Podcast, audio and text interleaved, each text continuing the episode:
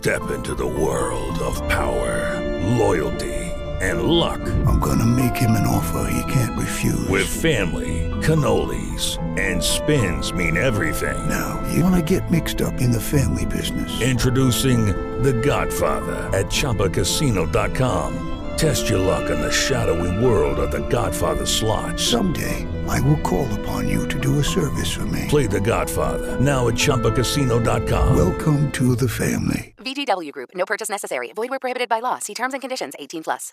With the Lucky Land slots, you can get lucky just about anywhere. This is your captain speaking. Uh, we've got clear runway and the weather's fine, but we're just going to circle up here a while and uh, get lucky. No, no, nothing like that. It's just these cash prizes add up quick. So I suggest you sit back, keep your tray table upright, and start getting lucky. Play for free at LuckyLandSlots.com. Are you feeling lucky? No purchase necessary. Void where prohibited by law. 18 plus terms and conditions apply. See website for details. Aktual mövzular, musiqi, təbəssüm, müzakirə, dinləyici fikri, əyləncə. Megapolis'in en maraklı insanları. Bunlar hamısı Megapolis'te. Megapolis adamı. Bir daha sabahınız xeyir olsun əziz dinləyicilər. Megapolisdəsiz və bizim artıq mega qonağımız ə, studiyadadır. Azərbaycan Respublikasının əməkdar artisti, Pantomimo teatrının aktyoru Elman Rəfiyev mənim odaşım. Xoş gəldiniz. Sabahınız xeyir. Sabahınız xeyir, xoş gördük sizi. Bu gün səhər Kelmanla, Kelman bəylə söhbət edəcəm. Bəli, bəli. Maraqlanacaq. Yəni maraqlı söhbət olmalıdır. Buna şübhəmiz belə yoxdur. Gəlin əvvəlcə biz əsas mövzumuza keçməzdən əvvəl ötən saatdakı mövzumuzla bağlı qonağımıza bir sual verək. Ə, bəli, ə, sevgilinizdən, həyat yoldaşınızdan ə, nəyi daha çox gözləyirsiniz və onun gözlədiyi nədir? Sizdən daha çox nə gözlənilir? Bu cümlə e, düzgün deyil. Sevgiliniz deyəndə e, insanın təhtəşürü altında başqa yerə yeyib çıxır. Bir Yox, təbii ki, həyat Bəli. yoldaşınızdan gedir Bir söhbət xanım burada. bəydən, ya da bəy Azərbaycanda ə, Azərbaycanda ə, sevgilim anlayışı ola bilər müəyyən qədər biraz ə, deformasiya. Azərbaycanda başqa bir şey də var. Aha. Məsəl üçün e, biz e, xarici filmlərə baxanda kişi kişiyə, yəni ata öz oğluna deyir ki, I love you deyir. Bəli. Biz yəni ki, oğluma deyir mən səni sevirəm, biraz qəribə baxır. hə. Amma bu sən sevgini e, ona izhar İzah edirsən edirsən. və onun üçün də bu sözü biz qəbul eləmək istəmirik. Amma e, həyatda e, xanımlara e, verilən dəyər onlar bizdən ən çox diqqət və sevgi istəyirlər. Əgər sən xanıma diqqət və sevgi göstərirsənsə, onun qarşılığında həmin diqqət və sevgini alırsan.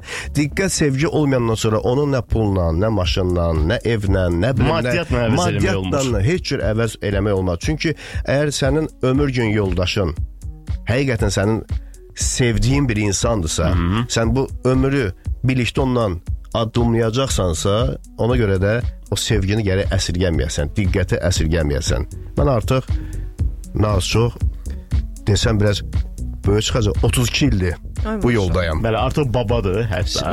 Hə, dörd qat babayam.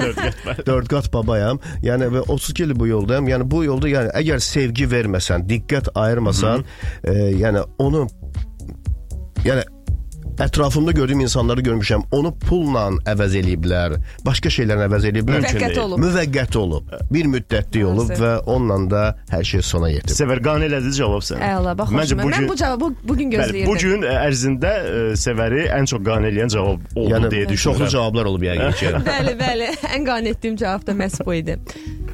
Bəli, mövzumuza keçirik. Ə, bir daha xatırladıram ki, bəli, edək. ə, Azərbaycan Respublikasının əməkdar artisti ə, Elman Rəfiyev bizim qonağımızdır. Ə, Pantomimo ə, çox əslində teatrın bir dərin sahəsi kimi görünür. Ə, Bilmirəm e, bu e, nədən irəli gəlir oradakı mühitdənmi ya e, daha dərin fəlsəfi və intellektual olurlar.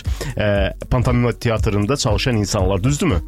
Bəli, çünki əslində sözün e, kökü pan, pantomimdir. Yəni e, pantomim aktyoruna mim deyirlər. Yəni pantomim. Yəni e, hal-hazırda yəni teatrın adına pantomimo, pantomima deyiləndə o düzgün səslənmir.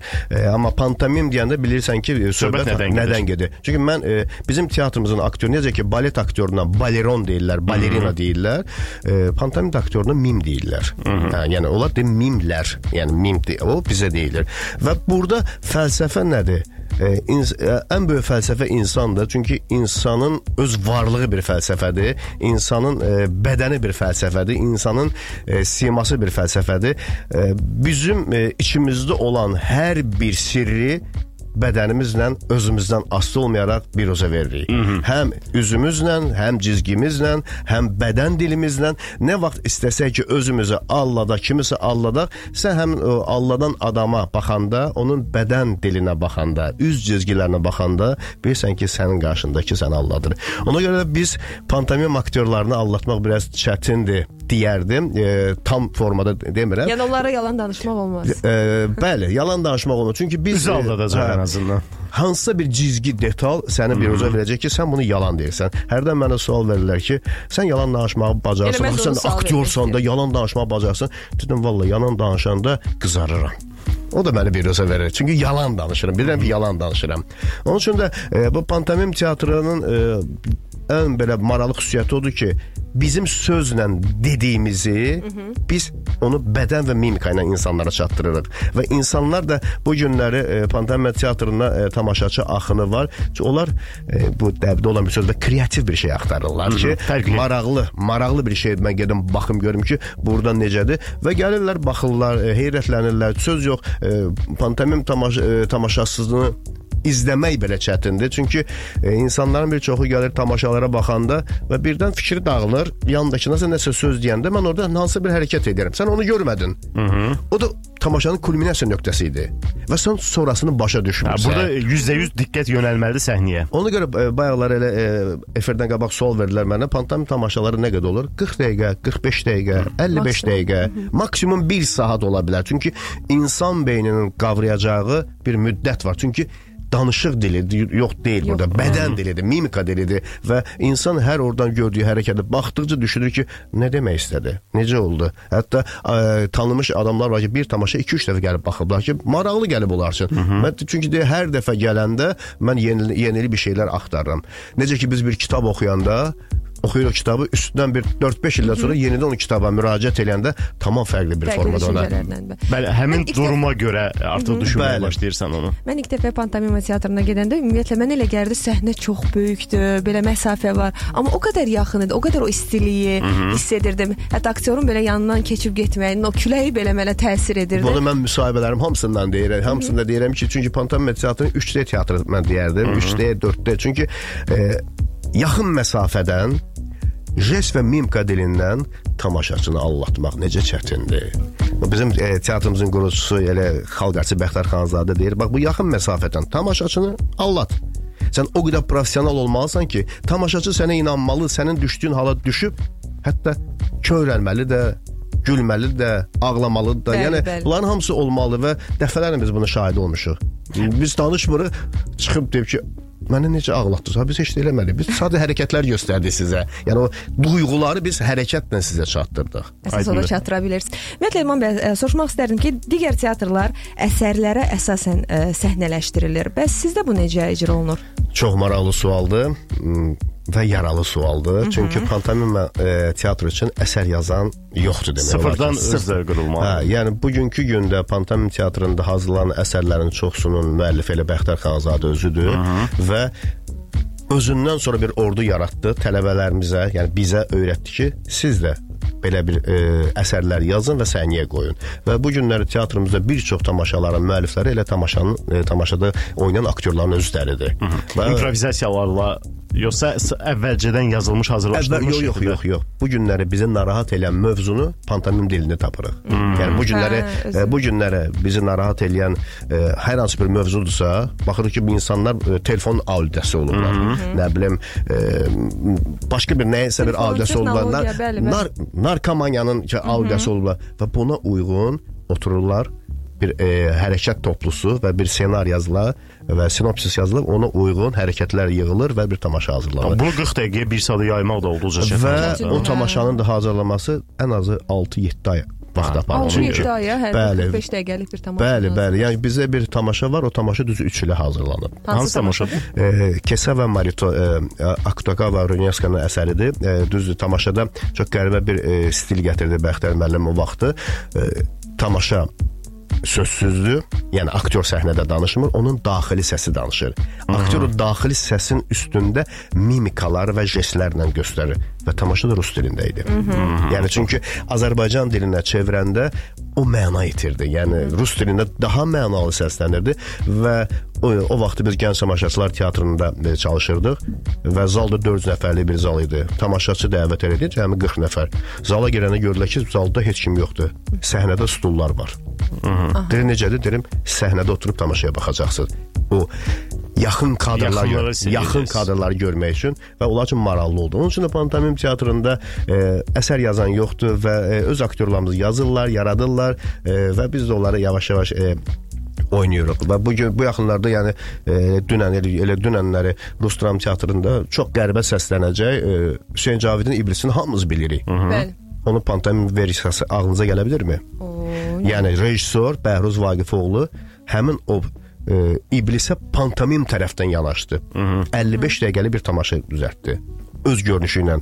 Ceyhun Dadaşov bizdə Şinelin Gogol, e, e, Gogolun Şinel əsəri.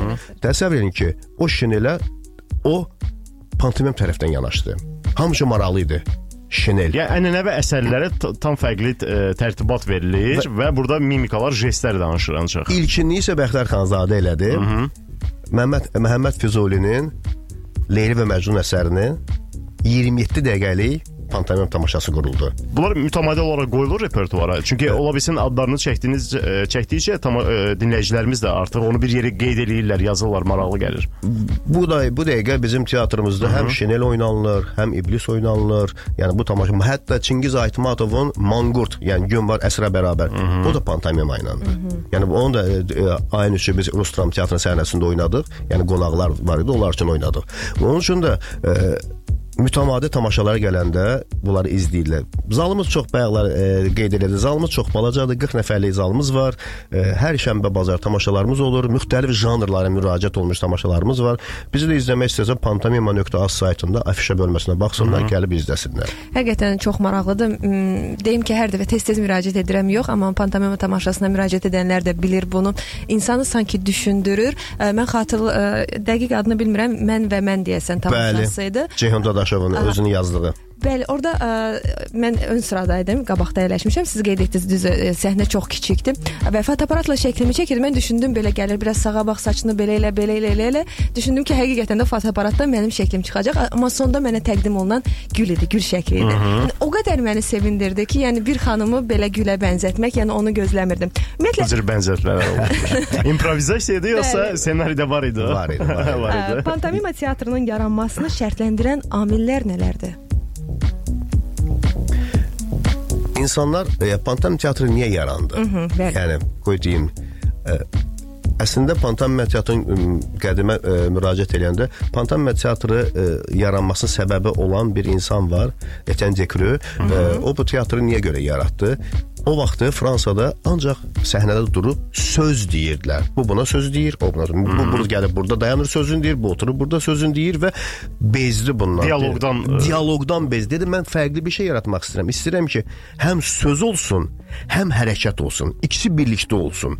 Və iki tələbə orada görür ki, biraz e, çox yaxşı tələbəsi var, aktyorlar. Biri Marcel Marceau, bir də ki, Jean-Louis Barronu götürür ki, məşq edir onlarla. Və içərilərindən Marcel Marceau çox çox cəld tərpənir, deyir ki, "A, bu hərəkətlərdən bir janr düzəltmək olar." Və bu Bu hərəkətlər hərəkətlər özü ayrı bir sahədir. sahədir. Və çıxır e, Fransanın küçələrində bunun pantomim janrında başlayır göstərməyə və insanlara maraqlı gəlir ki, a, bəs divar yoxdur, divarı göstərir, nə bilim, e, şey təsvir edir. Külək yoxdur, küləyi göstərir, şarı yox. Bu və belə belə belə tamaşalarda e, tamaşaçılara maraq oyandı. Və amma e, onun yaranma tarixi o idi ki, insanlar e, bir bazı fərqli fərqlilik yaratmaq istədi və Azərbaycanda isə pantomim teatrını yaradanda Bəxtər Xanzadə o da e, düşün düşünmür ki, sırf pantomim olsun. Bu günlər pantomim teatrının e, repertuarına baxanda görürsüz ki, bizim repertuarda həm də sözlü tamaşa var. Amma o sözlü tamaşa elə bir tamaşadır ki, o sözü başa düşməyən əcnəbi tamaşaçı belə gəlib hərəkətlərdən hər şey başa düşəcək. yəni paralel aparılır paralel. bu iş. Yəni, yəni biz ona da e, ona da müraciət eləmişik. Sırf pantomim üzərində olmuyor. Bu günləri insanların doğrudan da e, fərqli e, janrda olan e, tamaşalar böyük bir marağı var. Fikir versə te- teatrların bir çoxunda e, dünya teatrlarda ekranı çıxartdılar səhnəyə və e, bir birlikdə həm ekranda həm orada Biz eyni sizdən öncə bunu ə, sevərlə danışırdıq ki, əslində böyük səhnələrdə monitor olsa necə olar? Mən dedim ki, monitorda baxanlarsa gedib evdə baxarlar Onu hiss etməyəcəklər Onu üzbəyiz hiss etmək lazımdır. monitorda tamaşanı göstərmirlər. Aha. Monitorla bugünkü tamaşasının elə bir ki vəhdəti olur. Oradakı hadisə və burada teatrdakı Dekor hadisə kimi, belə dekor. deyək. və oradakı hadisə ilə bu hadisə bir-birinə bağlılıq olur. Yəni buna buna e, bütün dünya teatrları buna müraciət etdilər. Hətta bizim bir tamaşamız var idi. Tamaşaçı gəlirdi zala, gördülər ki, zalda, zalda içəri girəndə bir xanım, bir e, bəy oturublar kinoya baxırlar. Hı -hı. Və tamaşaçı da oturub onlarla birlikdə kinoya baxırdı. və baxırlar. Kino qutarırdı və tamaşa ondan sonra başlayırdı. Hı, çox maraqlı. Tamaşa ondan sonra başlayırdı. Bugünkü gündə ümumiyyətlə necə tamaşalar daha çox sevilir? E, bugünkü gündə mən deyərdim ki, bu günləri əsas e, əsas e, bu günləri cəmiyyəti cəmiyyəti e, Bəli. narahat eləyən e, problemli tamaşalar e, tamaşaçılar üçün çox vacibdir. Yəni bu günləri insanlar gəlirlər teatra, teatrdan hər hansı bir mesaj istəyirlər. E, biz teatra niyə gedirik ki? Həm ruhumuz dincəlsin, həm də mesaj almaq istəyirik ki, hər hansı bir e, səhnəni göstərən deyir ki, hə mənim də bu cürəm. Bunu bu özümdə dəyişmək lazımdır. Yəni bizdə belə belə bir tamaşa var, underground adlanır. E, tamaşada e, bütün o bu günlər cəmiyyətin e, problemlərini biz orada e, ayrı-ayrı səhnələrdə göstəririk. Bir səhnə var, o səhnə desəm elə hamıya bəlli olacaq. Targovu. Mənim dilimizdə targovlik. targovlik. İnsanlar gedirlər, hamının əlində telefon. Heç kim heç kimə baxmır. Hər kəs tələsir. Hamı tələsir, telefonda nəsə axtarır. Və bir nəfər çıxır həmin o tarqoblikə, əlində tapanca özünü öldürmək istəyir. Və insanlardan kömək istəyir ki, mənə biriniz yaxınlaşın ki, bu əlindəki tapanca nədir? Niyə özü öldürmək istəyirsən? Heç kim yaxınlaşmır. O adam ki özünü öldürür yerə yıxılandan sonra hamı bir dənə sel, e, selfie elib çıxıb gedirlər. -hı, aydındır. Real real bir Real- real bir məsələlər Real bir məsələdir. Hə, yəni bu adi bir xırda bir e, səhnədən danışdım. Və bu günlər tamaşaçılar belə şeyləri görəndə çox maraqla izləyirlər. olur. Çünki cəmiyyətdə rastlaşdığımız e, hadisələrlə. Məsələn bizdə bir, bir belə bir tamaşa var idi. E, tamaşa öncəsi mən həmişə tamaşaçıları qarşılayıram, e, tamaşaçılarla e, söhbət eləyirəm. Yəni bunları mən sevirəm. Gördüm bir xanımla bir bəy dayanıblar e, fayədə. Aralarında mübahisə düşüb. Aralarında mübahisə düşüb, küsülü formada girdilər tamaşaya. Küsülü formada, yəni yanaşı yox, belə aralı formada dəvət elədim, oturdular və bütün tamaşa boyu baxdım ki, e, bunlar aralı oturdular. Heç qolları bir-birlərinə Hə, təmas eləməyə çalışmırlar. Təmas eləməyə Aha. çalışmırlar və tamaşa bitəndən sonra nə görsəm yaxşıdır, ikisi də əl-ələ tutub e, teatr zalından çıxdılar. Hə, orada Yəni, ssenaridə o- mesaj alıblar da. Oradan həyatı mesajı alandan sonra bu əl-ələ tutub yanındakı adamın qədrinə başa düşdü ki, bəli, mənə lazım olan adam elə bax bu yanındakı xanımdır, bu bəydir. Yəni bu mesajları görmüşük. Hətta bir dəfə də Yaxşı mən ki, belə tamaşalar var. Müsahibəmdə demişəm, bir dəfə də oldu. Bir xanım gəldi bizdə bir tamaşaya baxdı. Üstündən neçə aylar keçdi. Yəni həmin xanım gəlmişdi. Dedi, olar sizə bir söz deyim. Dedim, buyur. Dedi, sizdə bir tamaşa vardı, adını çəkməyəcəm. Ee, sonra dedi ki, o tamaşa e, insanların həyatında Siz də maşallah Elvan Hə, bəy. Mən, mən tamaşaçıları qarşılayıb yola salıram, mən yadında qalır. Aha. Və dedi, onlar sizə bir sirr açım, dedim, buyurun. Dedi, sizin bir tamaşanız var, ona baxandan sonra mən getdim nişanımı qaytardım. Aha. Belə Hə, hallar da deməli olur. belə daha yaxşıymış. Hə. Sən demə. Hə, dedi mən Özünü e, orada görüb. Hə, mən çünki verdiyiniz mesajlar məni düşünməyə vadar elədi və mən düşündüm və qərara gəldim ki, mənim həyatım onunla birlikdə olmaz. Çox gözəl bir şeydir. Əslində qısa bir metrajlı bir tamaşadan bu mesajları almaq cəmiyyət üçün faydalıdır. Çox. Ziyanın yarısından qayıtmaq da xeyirdir. Xeyirdir, əlbəttə ki. Baxır hansı məsələdə.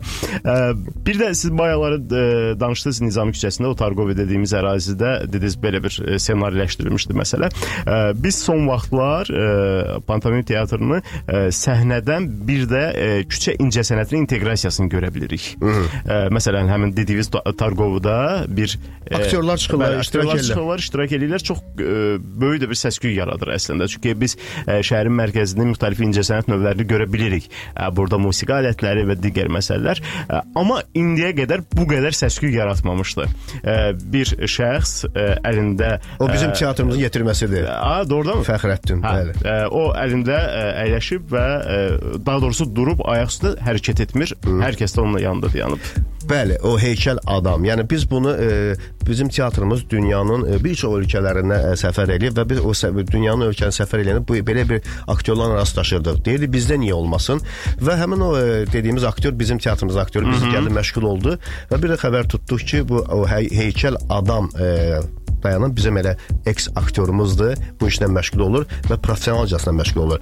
Mən bununla rastlaşmışdım e, Tbilisidə. e, Fəxrəddin bəy, hə? Həmin Bəli, aktyor. bəli. Hə, Hə. biz yeri gəlmişkən gələn həftə efirimizdə Megapolis adamda qonaq olacaq. Bəli, görürsüz təsadüfə baxın. Hətta Bizim Bəli. hazırda prodüserimiz onu bizə bildirdi ki, gələn həftə bizdə qonaq imiş sən demə. Bəli, bəli. Həmin o ki, Fəxrəddin doğrudan da onun qardaşı da Əflatun bizim teatrımızın aktyoru olub. İndi hal-hazırda Avstriyada fəaliyyətini davam elətdirir. Yəni orada artıq e, kino sahəsində fəaliyyətini davam elətdirir. Ya bu günləri insanların e, amma çox maraqlı bir şeylə rastlaşmışam. Qoy onu sizə deyim. Əgər küçədə biz belə bir aktyorları görürüksə, biz istiqanlı millətik də. Bəli. Biz dayanıb baxırıq. E, Berlində də olanda bunların qa- qarşısında dayan, dayanıb baxan adamları görmüşəm. Təsəvvür eləyin.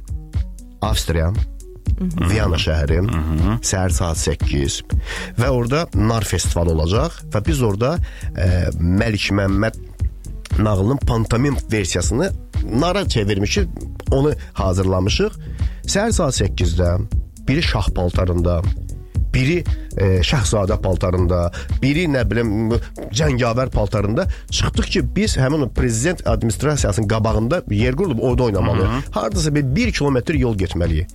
Küçədən gedən adamlar heç biri dayanıb bizə baxmadı. Bizim yanımızdan keçən bu adamlar kimdir?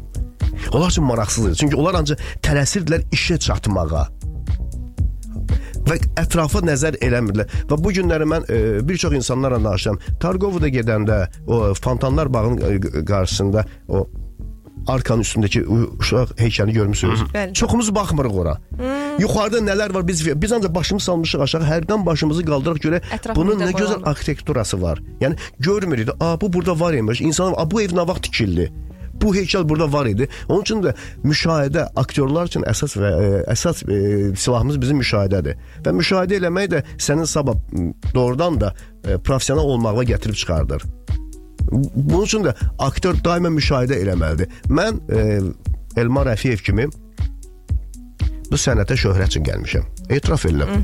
Hamı deyir ki, yox, mən bura sənət üçün. Siz etiraf edirsiniz. Mən, mən bura şöhrət, mən seçilməkdən həzz alıram. Bu mənim şəxsi fikrimdir. Mən seçilməkdən həzz alıram, diqqət mərkəzində olmaqdan həzz alıram. Onun üçün də e, çalışıram geyimimdə də, tərzimdə də diqqət mərkəzində olum. Digərlərindən seçiləsiniz. Digərlərindən seçiləm. E, başıma şlyapa qoyum. 2013-dən ş- harda şlyapa gördülər, bildilər ki, bu Elmandır. Yəni mənim artıq evdə bir 40 dənədən 40-dan ibarət şlyapam var.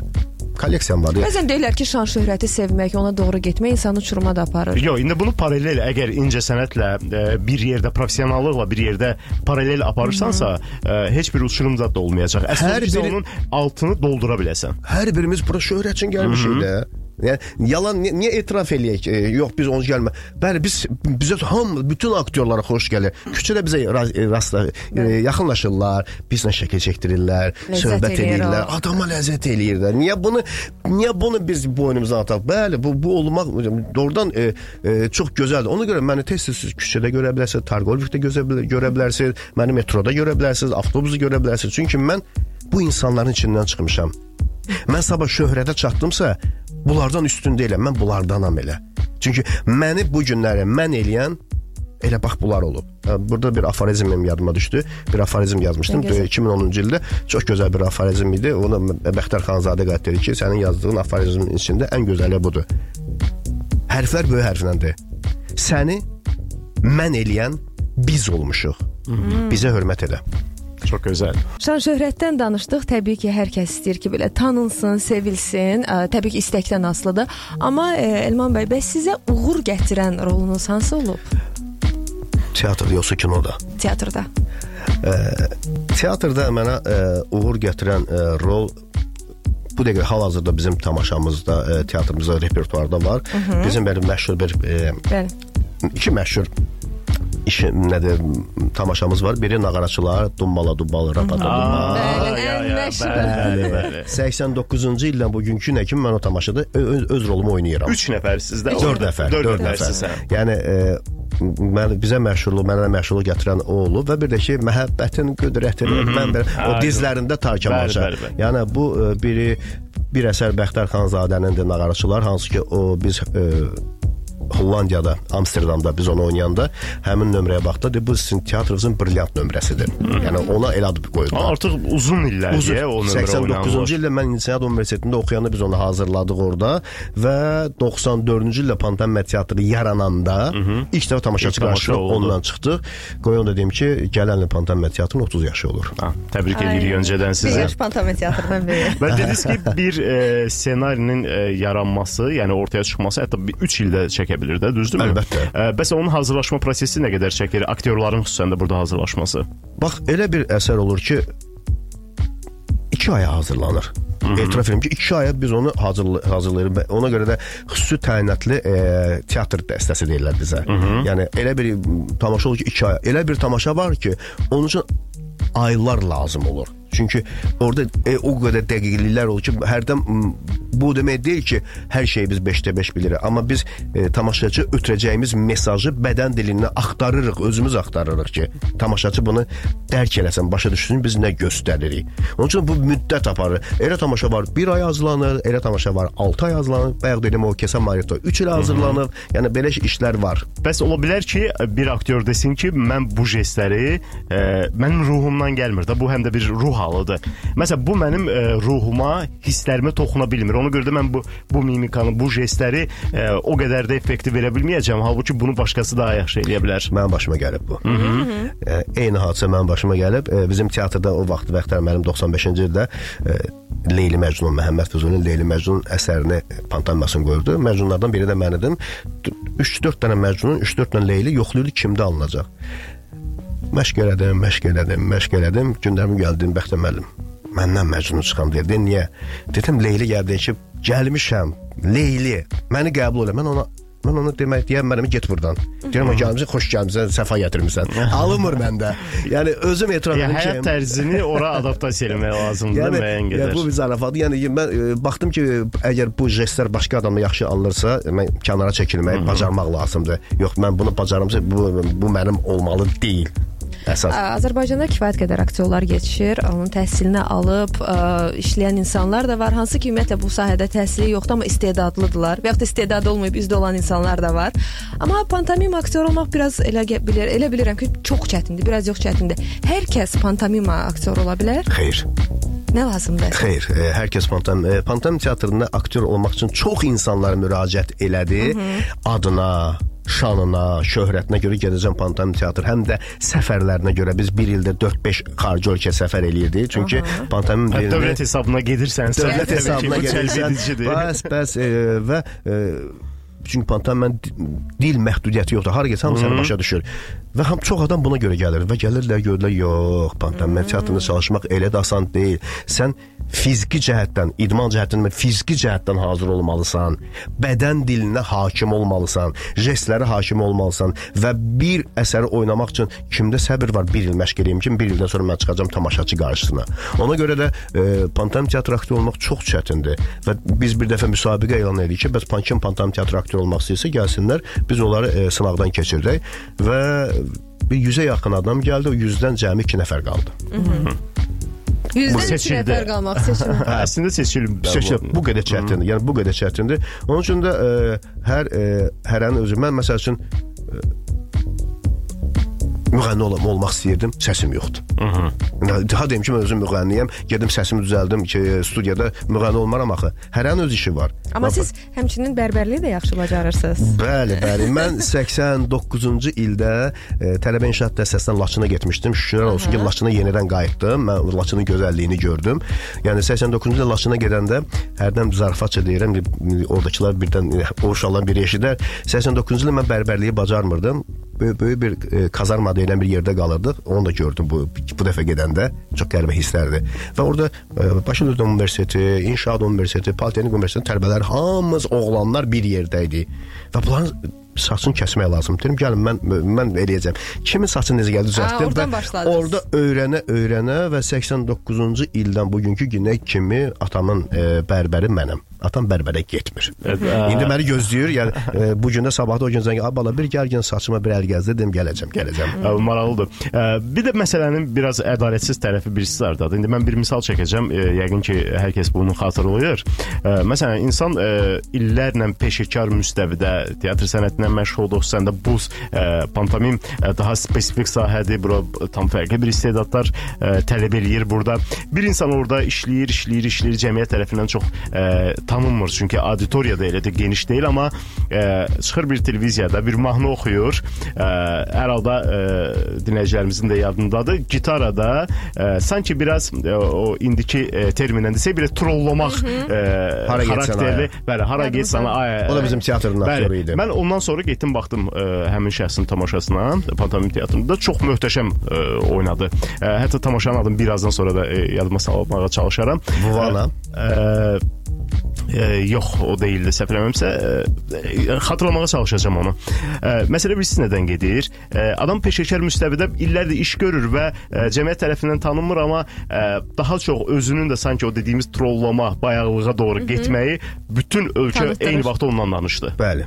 O o da onun vizit kartı. Hı -hı. O da onun vizit kartı. Yəni e, həmişə belədir. Məsəl üçün e, bu günləri bizim o vaxtki dövrdə aktyorlarımız var ki, o nağaraçılar dumbala dubal oynayanda biz a dumbala dubal yadlarında elə qalıb. Yəni müğənninin də bir mansı onun vizit kartı olur. Filmdə də oynayan hər bir aktyorun e, bir ro gözəl rolu onun vizit kartı olur. Yəni burada da belə idi. Yəni e, Vüsal e, Rıza Soy bizdə gəldi bir müddət işlədi. Yəni bunun da öz dünyası var idi. Gitarda ifa elədi və bir gün içində yatdı durdu. Hələ tamaşada da gitarada ifa edir. Bəli. Səhv eləmirəmsə Koreya mı, Çin mi, nəsə belə e, uzaq şərq ölkələrinin bir əsəri idi. Hə. Belə xatırlayıram. ya, yatırsan dursan və məşhur olsan. Ona görə mən e, televiziyanı və e, mən əslində qoy bir şey də etiraf edim ki, mən bu sənətə teatr üçün gəlməmişdim. Mən bu sənətə kino üçün gəlmişdim. Mən hər yerdə demişəm, mən kino aktyoru olmaq istəyirdim, amma e, əfsuslar olsun ki, mən 92-ci ildə universiteti bitirəndə Azərbaycanda kino yox idi. Çünki durğunluq dövründə yaşayırdıq və e, bir çox uşaqlara sual verirəm ki, siz kinoya çəkilmək üçün nə qədər gözləyir? Bax, siz nə qədər gözləyirsiniz? Qutarmısınız?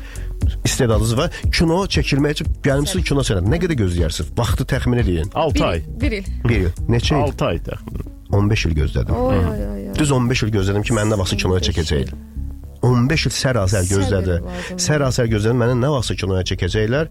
E, çünki kino e, kino belə bir şeydir ki, teatr e, kiçik auditoriyasında, amma kino yatdın, filmə çəkildin, yatdın, durdun, sən oldun məşhur bir insan. Hı -hı. Yəni kino budur. Ona görə televiziyada elədi, kino da elədi. Ona görə kinonu mən çox sevirəm e, və serialları da çox sevirəm çünki bir çox seriallarda oynadım və bu günləri sev küçəyə çıxanda səni serialdakı yaratdığın obrazın adı ilə çağıranda insana çox xoş gəlir. Ən yaxşısı. Təşəkkür edirəm sizə.